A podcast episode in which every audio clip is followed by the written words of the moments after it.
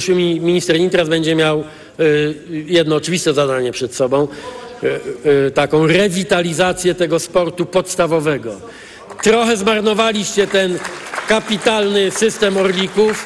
Y, Pan minister Sławomir Nitras i jego ekipa y, odbudują to wszystko, co zostało zmarnowane i zobaczycie nasze dzieci, dziewczyny, chłopcy ze szkół podstawowych, ze szkół średnich znowu dziesiątkami tysięcy będą uczestniczyły w turniejach piłkarskich, w innych zawodach sportowych, w każdej polskiej gminie. Znowu zapali się to światło wieczorem i nawet późnym wieczorem nasze dzieciaki będą mogły uprawiać sport.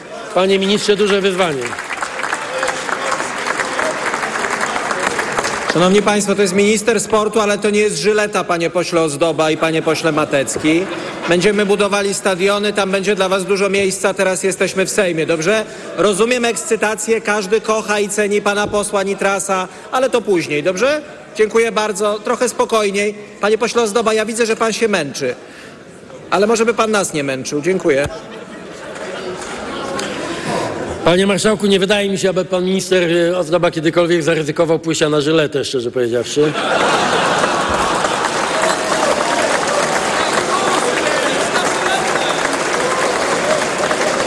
Ja się nie wybieram. Ja się nie wybieram, nie, nie.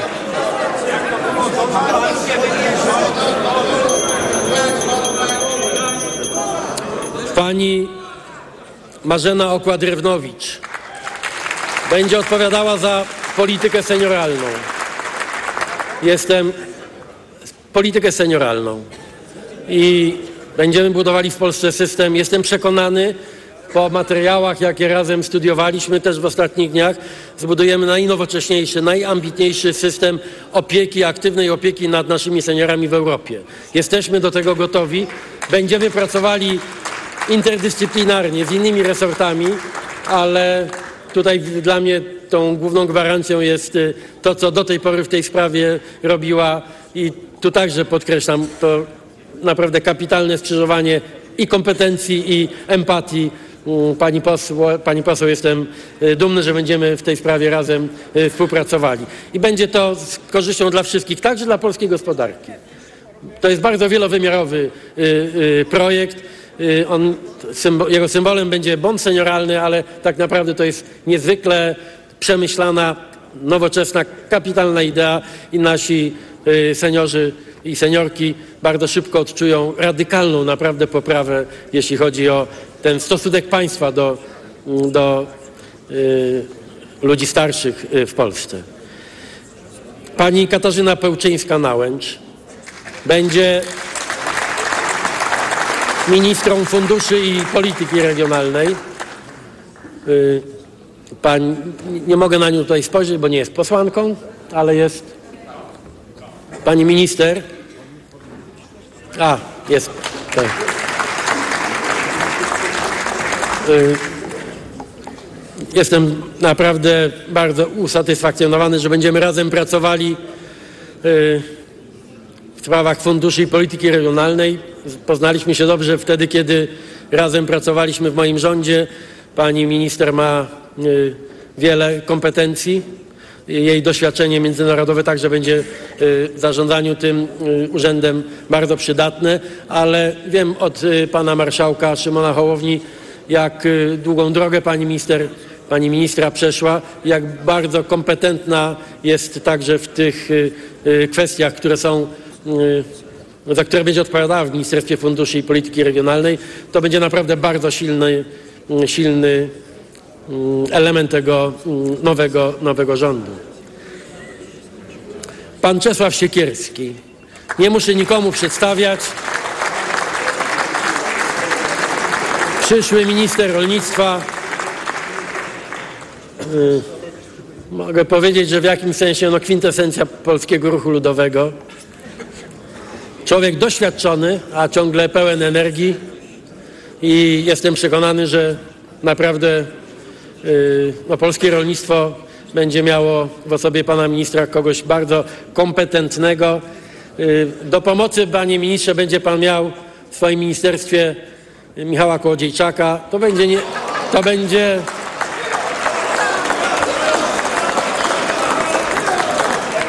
Dziękuję za słowa uznania ze strony koleżanek i kolegów z PiSu.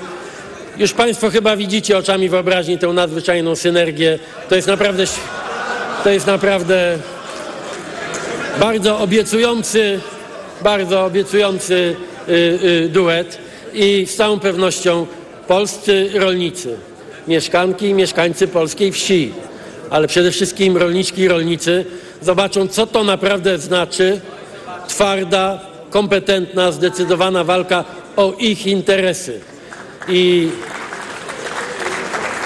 nie ma w tym przypadku.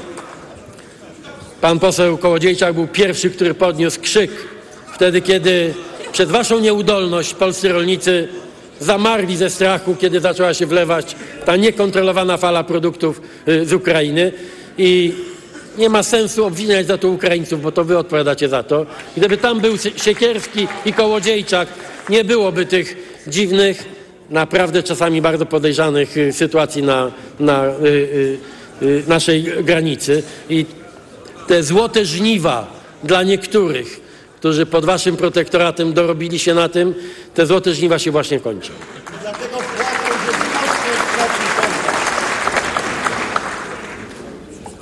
Mój bliski współpracownik, były wicepremier, minister obrony narodowej w poprzednim moim rządzie, będzie koordynował służby specjalne. W Polsce pan Tomasz Siemoniak. Tak patrzę tutaj na osoby, które odpowiadały za służby specjalne w Polsce w ostatnich latach. Mogę powiedzieć, że bardzo się cieszę, że będę współpracował z człowiekiem odpowiedzialnym, racjonalnym, yy, poważnym, kompetentnym, patriotą. Tak jest. No tak powiem jednym słowem normalnym, bo to jest naprawdę dla mnie bardzo, bardzo, bardzo się cieszę, panie, panie premierze, że będziemy znowu współpracowali w jednym rządzie. No tam pan ma, no wiemy dobrze, ile pan ma roboty przed sobą. Nieprzypadkowo y, umówiliśmy się z panem prezydentem y, Andrzejem Dudą, że jutrzejsze zaprzysiężenie odbędzie się wcześniej, także po to, abym przed wyjazdem do Brukseli zdążył jeszcze y, nie tylko z ministrami udać się do naszych nowych miejsc pracy, ale także, żeby rozmawiać w gronie kolegium do spraw służb specjalnych o decyzjach, które chcemy podjąć i podejmiemy natychmiast. Y, Natura tych spraw wymaga dyskrecji, ale spodziewajcie się Państwo decyzji masywnych, szybkich i jednoznacznych. Pan minister Bartłomiej Sienkiewicz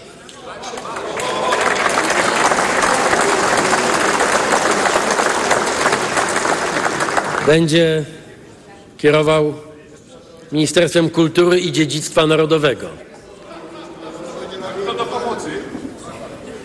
Wiecie co, tak szczerze powiedziawszy, pewnie nie musiałbym tłumaczyć, dlaczego od dziedzictwa narodowego będzie prawnuk Henryka Sienkiewicza, ale przecież nie ta koligacja decyduje o tym, że pan minister Bartłomiej Sienkiewicz y, będzie zajmował się porządkami.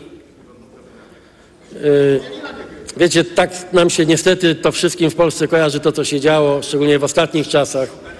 Y, z tymi publicznymi pieniędzmi, które miały trafiać do polskiej kultury, że tak naprawdę mieliśmy do czynienia z Ministerstwem Antykultury. Jestem y, pewny, że pan Bartłomiej Sienkiewicz, y, nie tylko z tej racji, że jest i autorem książek, jest człowiekiem kultury, ale ma też doświadczenie, jeśli chodzi o decyzje te najtwardsze. I dobrze Państwo wiecie, że lepszego człowieka na uporządkowanie sytuacji, między innymi w sferze mediów publicznych, mediów publicznych, które zniszczyliście, będzie odpowiedzialny za przywrócenie tych mediów Polkom i Polakom. Bardzo szybko okaże się, że media publiczne służące Polkom i Polakom to nie jest, to nie jest jakiś miraż, to nie jest coś niemożliwego. Tak jak zobaczycie, że wymiar sprawiedliwości może być neutralny, niepartyjny, służący Polsce, a nie partii rządzącej, tak zobaczycie i pewnie oczom nie uwierzycie, że telewizja publiczna może służyć Polsce, a nie partii rządzącej. I, i tak będzie.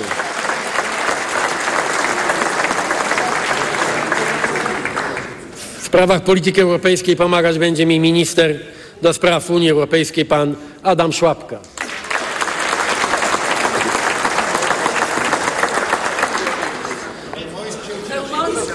Lider nowoczesnej i wydaje mi się, że nie powiem niczego e, zaskakującego. Człowiek naprawdę nowoczesny.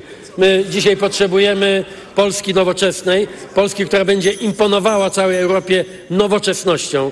I pan Adam Szłapka y, no, podjął się zadania, niełatwe zadanie, pracować ze mną w sprawach europejskich, ale nie, nie będę się wymądrzał, panie ministrze, będziemy wspólnie duetem, który ciężko będzie pracował nad naszymi interesami w Unii Europejskiej. Członkiem Rady Ministrów będzie także pan Maciej Berek, odpowiedzialny za cały proces legislacji. Osoba niezwykle doświadczona, chociaż ciągle młoda. Też nie jest posłem, więc tutaj nie widzę go na sali, ale pewnie jest gdzieś. Tak, jest. Jest też na, na, na galerii. Miałem okazję i, i zaszczyt pracować z panem ministrem też ówczesnym Berkiem i muszę powiedzieć, że jest w Polsce jednym z najwybitniejszych specjalistów też od czystości i transparentności procesu legislacyjnego. Mogę Państwu to przyrzec, że y, inicjatywy legislacyjne polskiego rządu od dnia, w którym y, zaczniemy sprawować nasze urzędy, to będą procesy przejrzyste do bólu, logiczne, racjonalne, także dzięki doświadczeniu i kompetencjom pana ministra Macieja Berka.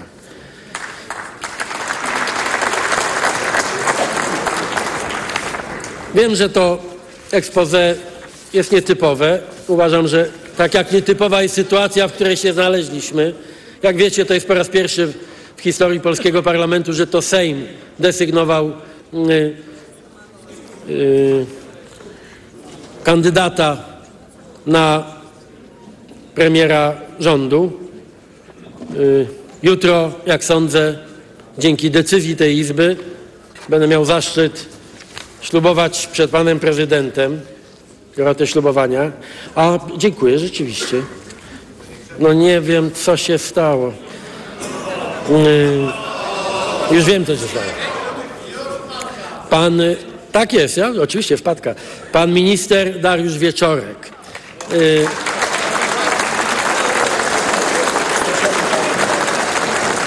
Panie ministrze, przez tą moją drobną wpadkę bardziej zapamiętają tę prezentację wszyscy na tej sali, więc proszę to potraktować jako, jako niewymuszony przywilej. Yy, stanie na czele Urzędu Ministra Nauki. Jak Państwo wiecie, to było oczekiwanie yy, ja długo się nad tym zastanawiałem, no bo nie było moją intencją tworzenia nowych ministerstw, ale tutaj sygnały były absolutnie jednoznaczne. No, no płynęły, płynęły z obu środowisk. I, I edukacji, i ze strony środowisk akademickich, że te dwie części do siebie w tej codziennej praktyce rządzenia nie przystają. I dlatego zdecydowaliśmy się na y, odtworzenie y, Ministerstwa Nauki i Szkolnictwa Wyższego. Pan Dariusz Wieczorek będzie tę y, funkcję sprawował. Y, wiem, że dobrał sobie znakomitych także współpracowników. Myślę, że będziemy mm, nie tylko świadkami szybkiej rekonstrukcji tego ministerstwa. Y, jedną z pierwszych decyzji, wracam do konkretów, będzie oczywiście także podwyżka płac. Jeśli chodzi o nauczycieli akademickich, również na to długo czekali. Też jesteśmy już z tym gotowi. Analogicznie do podwyżki płac dla nauczycieli. W ogóle to jest taki fajny, fajny dzień, kiedy mogę powiedzieć, mówiliśmy o podwyżkach dla nauczycieli tej 30% i ktoś mógł pomyśleć, że nauczyciele przedszkolni, przepraszam za kolokwializm, się nie załapią. Ta podwyżka dotyczy też polskich przedszkoli i jakby z drugiej strony, wiekowo patrząc, także nauczycieli akademickich panie ministrze, znaczy na razie panie pośle, y, jestem pewien, że będzie pan też tego pilnował. To to nietypowe expose wynika z nietypowej sytuacji i sytuacji. Chciałem jeszcze raz Wysokiej Izbie podziękować za wczorajszy, za wczorajszy wybór. konstytucja właściwie nie przewiduje expose ministra wybranego w tym drugim, drugim kroku. Bardzo zależało mi na tempie. Wiecie dlaczego. Wiecie, jak ważne są dni i godziny. Prawdopodobnie zobaczymy się w Brukseli z prezydentem Załęskim. Ukraina liczy dzisiaj godziny i dni, bo czeka na kolejne wsparcie. Polska czeka na miliardy y, funduszy europejskich. Y, Polska też czeka na te szybkie sygnały o współpracy z innymi państwami graniczącymi z Rosją, bo moją ambicją jest poprowadzenie w imieniu Polski polityki europejskiej na rzecz ochrony granicy. Granic ze wszystkich stron Europy, tak aby y, to zagrożenie nielegalną migracją y, nie było tak dotkliwe jak w tej chwili.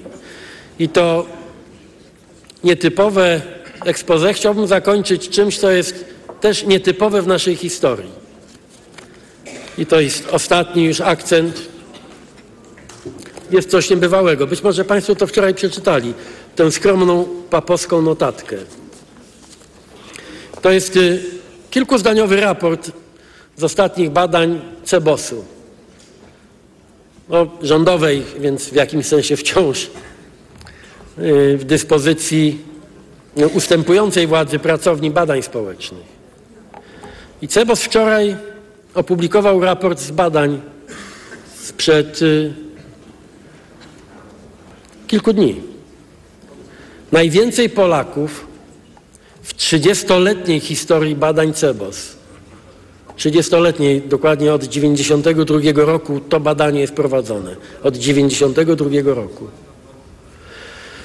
Najwięcej Polaków uważa, że zwykli ludzie mają wpływ na sprawy kraju. Sądzi tak teraz, po wyborach 15 października.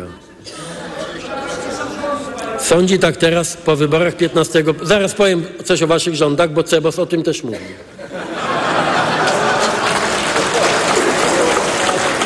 Jakbyście Państwo dali mi dokończyć tylko to jedno zdanie, to od razu by się wyjaśniło, co było za Waszych rządów. Więc powtórzę.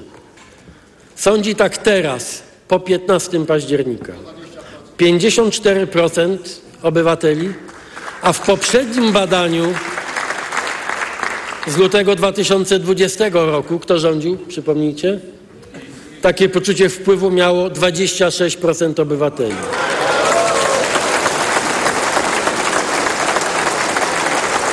Chcę Państwu powiedzieć, że dwa lata temu narodził się ruch 15 października. Tak, dwa lata temu. Dwa lata temu. I wystarczyły dwa lata. I nastąpił 15 października.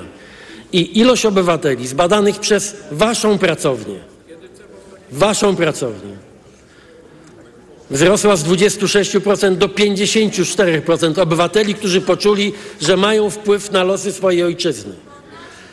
Rozumiecie? Dwa razy więcej. Dwa razy więcej. W ciągu tak krótkiego czasu. Czytam, czytam dalej raport Cebosu. Brak wpływu na sprawy kraju deklaruje obecnie 41%, a poprzednio w 2022 roku 71% Polaków. Komentarz pracowni. Komentarz pracowni. Ostatnie wybory nie tylko przyciągnęły do urn rekordową rzeszę głosujących, ale umocniły, a właściwie na nowo ukonstytuowały w Polakach poczucie obywatelskiej podmiotowości.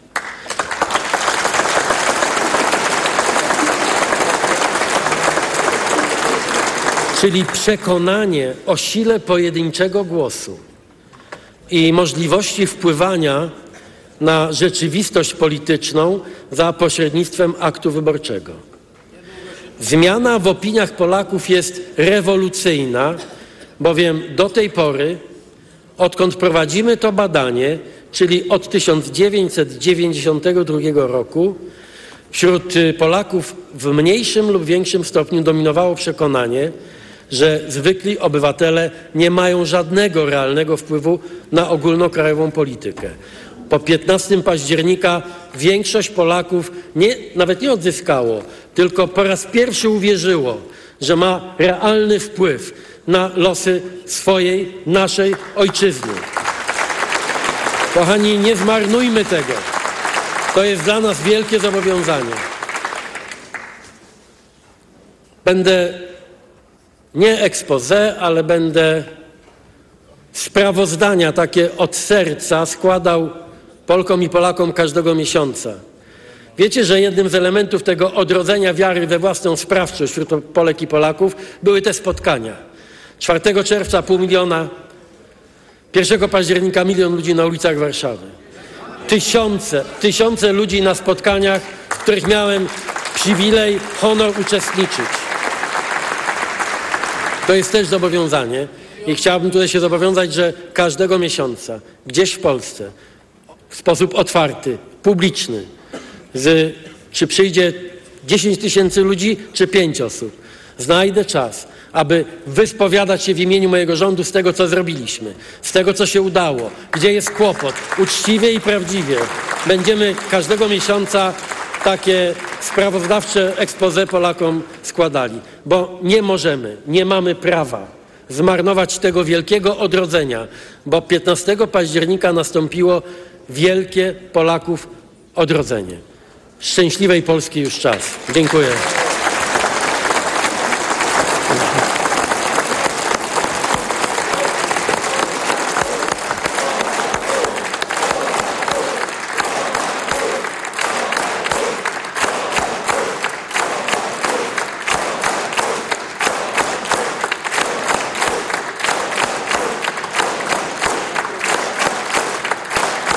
Dziękuję bardzo, panie premierze. W nawiązaniu do tego, co pan mówił o tym, że coś się w Polsce zmieniło, wczorajsze obrady Sejmu w internecie oglądało ponad 4 miliony obywateli. E, to jest. To jest realna zmiana, drodzy Państwo. Ludzie naprawdę interesują się demokracją i tym, co tutaj robimy. Patrzą nam na ręce, chcą wiedzieć więcej. Chciałbym z tego miejsca serdecznie pozdrowić wszystkich tych, którzy dzisiaj oglądają naszą pracę tutaj w tej Izbie. Nagrodźmy ich gorącymi oklaskami. Ich wszystkich, niezależnie od tego, jakie mają poglądy.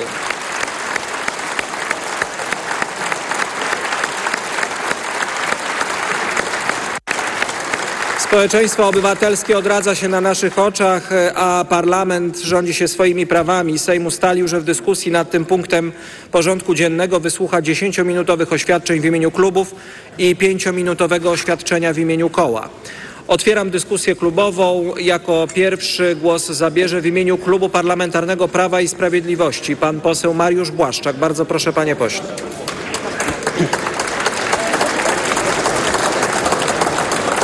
Panie Marszałku, Wysoki Sejmie, przed chwilą usłyszeliśmy bardzo ostre przemówienie, w którym podtrzymane zostały wszystkie te kłamstwa głoszone z tej strony sali przez lata. Zaś e, wykorzystywanie listu samobójcy, by uzasadnić swoją politykę, to najpodlejsze, co można zrobić. Wynoszenie aktu samobójstwa popełnionego w takich okolicznościach do czynu bohaterskiego to najniższe zagranie, jakie można sobie wyobrazić. Mówiłem o tym wczoraj. Pan nie ma skrupułów, ale też jest pan nieuczciwy, bo gdyby pan miał odrobinę uczciwości w sobie, to zacytowałby pan list, jaki napisał do pana człowiek, który się podpalił przed kancelarią w 2011 roku, kiedy pan był premierem.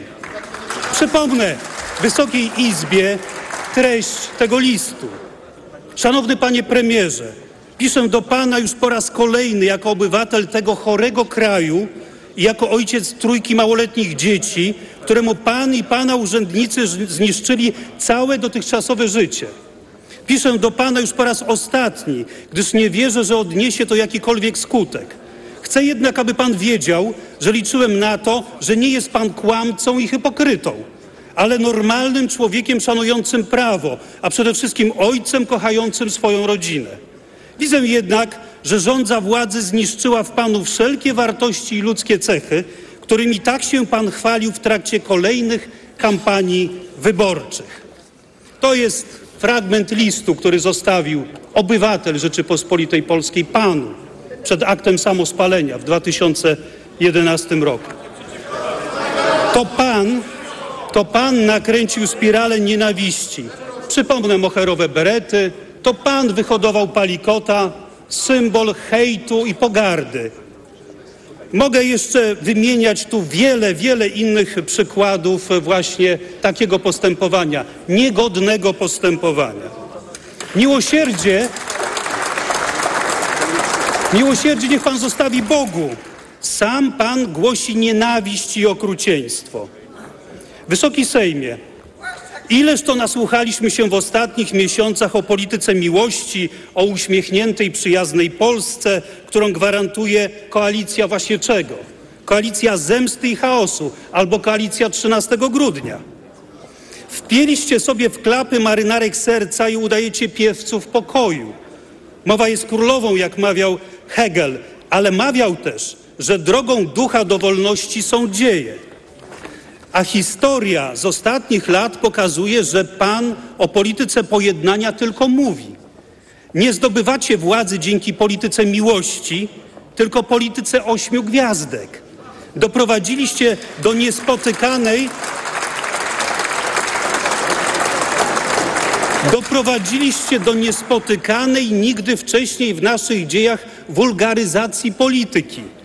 Ośmieliliście lumperię, która co miesiąc zakłóca uroczystości upamiętniające ofiary tragedii smoleńskiej. Wręcz dopingujecie tych ludzi, którzy co miesiąc dokonują okrucieństw. Przypominam, w katastrofie smoleńskiej zginęły także wasze koleżanki i wasi koledzy z ław sejmowych, wasi przyjaciele. Dla was nie ma świętości. Politycy Prawa i Sprawiedliwości przez 8 lat doświadczali niesamowitej agresji z waszej strony, włącznie z groźbami pobicia. To już nie jest przemysł pogardy, to jest konglomerat nienawiści. Ku uciesze waszych psychofanów urządzaliście konkurs na to, kto posunie się dalej, kto przekroczy kolejną granicę, a tych granic jest coraz mniej. Przyjdzie wam kiedyś za to zapłacić. Obiecuję to.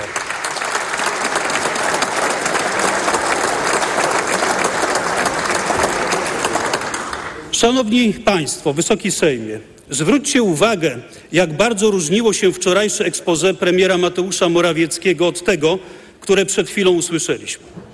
Wczoraj zaprezentowano konkretny plan, wizję tego, jak bronić suwerenności Polski, jak zadbać o jej dalszy harmonijny rozwój i jak zwiększyć bezpieczeństwo Polski i Polaków. Jak sprostać wyzwaniom, jak sprostać wyzwaniom, które stawia przed nami współczesna geopolityka? Najważniejszą i zasadniczą różnicą pomiędzy expose premiera Morawieckiego a tym, co usłyszeliśmy z ust Donalda Tuska, jest wiarygodność. Za każdym razem, jak za mówicą stawał premier z Prawa i Sprawiedliwości, moglibyśmy być, mogliśmy być pewni, że nie rzuca słów na wiatr, że to, do czego się zobowiązuje, zostanie dotrzymane. Donald Tusk wcześniej wygłaszał expose dwukrotnie. Za każdym razem były to puste słowa, za którymi nie szedł żaden konkret. Tym razem było podobnie. Przypominam panu, że rządzenie to nie teatr emocji, tylko ciężka praca na rzecz obywateli. Urząd to zaszczyt, Polska to miłość. Tą piękną dewizą Mateusz Morawiecki skwitował swoje wczorajsze expose. Dla Donalda Tuska polskość to nienormalność, a Sejm Rzeczypospolitej jest miejscem czego? Cierpienia. Prawo i Sprawiedliwość zawsze przedstawiało konkretny program, który był konsekwentnie realizowany. Dzięki temu, że trzymaliśmy się naszego planu, mamy teraz najniższe bezrobocie w historii, wyższe wynagrodzenia, a poziomem życia zrównujemy się z państwami zachodu Europy. Mamy silną i nowoczesną armię, zdolną odstraszyć przeciwnika. Mamy jeden z lepiej rozwiniętych w Europie systemów pomocy społecznej. Staliśmy się europejskim liderem w likwidowaniu luki VAT, a polska gospodarka urosła o jedną trzecią. To nie jest już takie państwo, jakie zostawił pan w 2014 roku. Tu już nie zarabia się 7 zł za godzinę, a szczytem marzeń nie jest bilet w jedną stronę do Londynu. A pan, zamiast przedstawić konkretny program, znowu mami Polaków sloganami pozbawionymi jakiejkolwiek wartości merytorycznej. Przedstawił pan bajkową rzeczywistość. Gdzie jest 100 konkretów, o których mówił pan w kampanii? Gdzie ten cudowny plan, który miał być zrealizowany w ciągu 100 dni? Zasłanianie się koalicyjną arytmetyką i koniecznością szukania kompromisów nie zwalnia pana z realizacji umowy zawartej z wyborcami. To nie jest szacunek dla Polaków, to jest ich lekceważenie. O nie, Polacy są mądrzy i nie dadzą się wam drugi raz oszukać. Wysoki Sejmie, koalicja zemsty i chaosu za chwilę zapewne stanie się faktem. Chciałbym więc, aby Donald Tusk wyjaśnił kilka sprzeczności, jakie pojawiły się w narracji jego koalicjantów. Co z naszą polityką migracyjną? W kampanii mieliśmy zwrot o 180 stopni, jeśli chodzi o podejście PO do obrony granicy polsko-białoruskiej. Najpierw Donald Tusk nazywał nielegalnych migrantów atakujących naszych żołnierzy i funkcjonariuszy biednymi ludźmi, którzy szukają swojego miejsca na ziemi, a politycy PO mówili o tym, że mur na granicy trzeba rozebrać. Dziś można odnieść wrażenie, że Marcin Kierwiński, który jest szykowany na ministra spraw wewnętrznych, przebierze się za komandosa i osobiście będzie wyłapywał tych, którzy szturmują naszą granicę. W tym samym czasie marszałek Hołownia mówi o konieczności stworzenia systemu, który zaopiekuje się nielegalnymi migrantami. To jak w końcu jest? Bronimy granicy, czy wpuszczamy wszystkich wszystkich i później sprawdzimy, kto to jest? Drugie pytanie. Prawo i Sprawiedliwość zadbało o polskie rodziny i wprowadziło program 800. Przypominam o tym, bo parę dni temu nazywaliście ten program waszym konkretem i przekonywaliście, że nic co dane nie będzie odebrane. Tymczasem nie dalej jak we wrześniu marszałek Hołownia mówił, że trzeba rozważyć wycofanie programu. To co z tym 800? Dogadaliście się już? Policzył pan głosy? I trzecie pytanie. Planowane nowe traktaty unijne odbierają naszą suwerenność. To niezwykle ważna sprawa. Przez wiele lat mówiliście, że nie ma innej drogi niż pełniejsza integracja europejska. Jednak kilka tygodni temu część z waszych europarlamentarzystów zagłosowała przeciw ich przyjmowaniu, a część, również ci, którzy pojechali do Brukseli z listy PO, opowiedziało się za ich przyjęciem. Czy to była zasłona dymna? Jakie jest wasze prawdziwe stanowisko w tej sprawie? Wysoki Sejmie, pozwólcie Państwo, że przypomnę, w jakim stanie Donald Tusk zostawiał Polskę przed ucieczką do Brukseli. Według badania opinii społecznej z listopada 2013 roku niemal połowa Polaków nie widziała w działalności premiera żadnych plusów. Krytykowała jego rząd, aż osie, krytykowało jego rząd aż 81% ankietowanych. A czy mieli do tego podstawy? Oczywiście. Rządom Donalda Tuska nie udało się poprawić sytuacji na rynku pracy. Było rekordowe bezrobocie, ponad 2 miliony zarejestrowanych bez pracy. Dodatkowo dochodziła migracja zarobkowa. Nawet 3 miliony młodych ludzi wyjechało za granicę w poszukiwaniu godnych zarobków. Politykę fiskalną rządu PO-PSL cechowała regularność w podwyżkach. Podniesiono stawki VAT, stawkę rentową i akcyzę na niektóre produkty, zamrożono progi PIT oraz i tak śmiesznie niską kwotę wolną od podatku. O waszym podejściu do bezpieczeństwa mówiłem bardzo wiele, ale przypomnę. To za rządów Donalda Tuska zlikwidowano ponad 600 jednostek organizacyjnych Wojska Polskiego, zahamowano modernizację techniczną i ograniczono liczbę żołnierzy. Mieliście tylko zawiesić pobór, a de facto zawieściliście rozwój Wojska Polskiego. To tylko skrócony obraz tego, co zafundowaliście Polakom w latach 2007-2015. Tym razem będzie podobnie. Już słychać z ust polityków PO, że brakuje pieniędzy na realizację waszych obietnic. Jak to jest, że jak my rządzimy, to pieniądze zawsze są, a wystarczy, że wy dorwiecie się do władzy, to zaczyna ich brakować. To dlatego, to dlatego tak wam się spieszy do likwidacji wolnych mediów.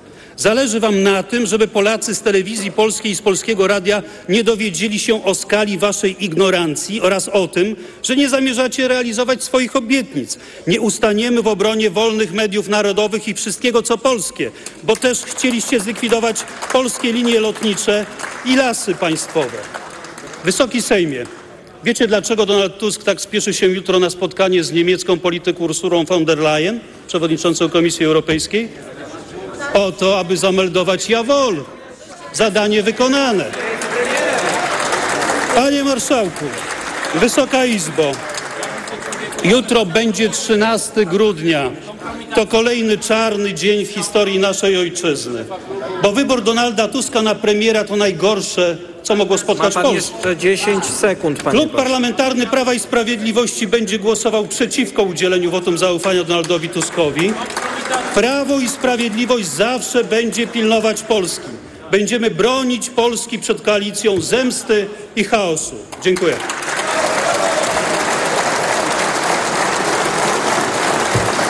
Kronikarskiego obowiązku e, wspomnę tylko, panie pośle, że zanim premier Tusk spotka się z Ursulą von der Leyen, spotka się też z prezydentem Andrzejem Dudą, e, który zaprosił go wczoraj na to spotkanie. E, w imieniu klubu Koalicji Obywatelskiej głos zabierze pani poseł Małgorzata Gromacka z Koalicji Obywatelskiej, jak już wspomniałem, a później pan poseł Patryk Jaskulski. Bardzo proszę pani poseł. Szanowny Panie Marszałku, szanowne Panie posłanki i Panowie posłowie, czcigodni goście. Dzisiaj już jest przepięknie, dzisiaj jest już normalnie, Szanowni Państwo. I dla przeciwwagi, Panie pośle Błaszczak,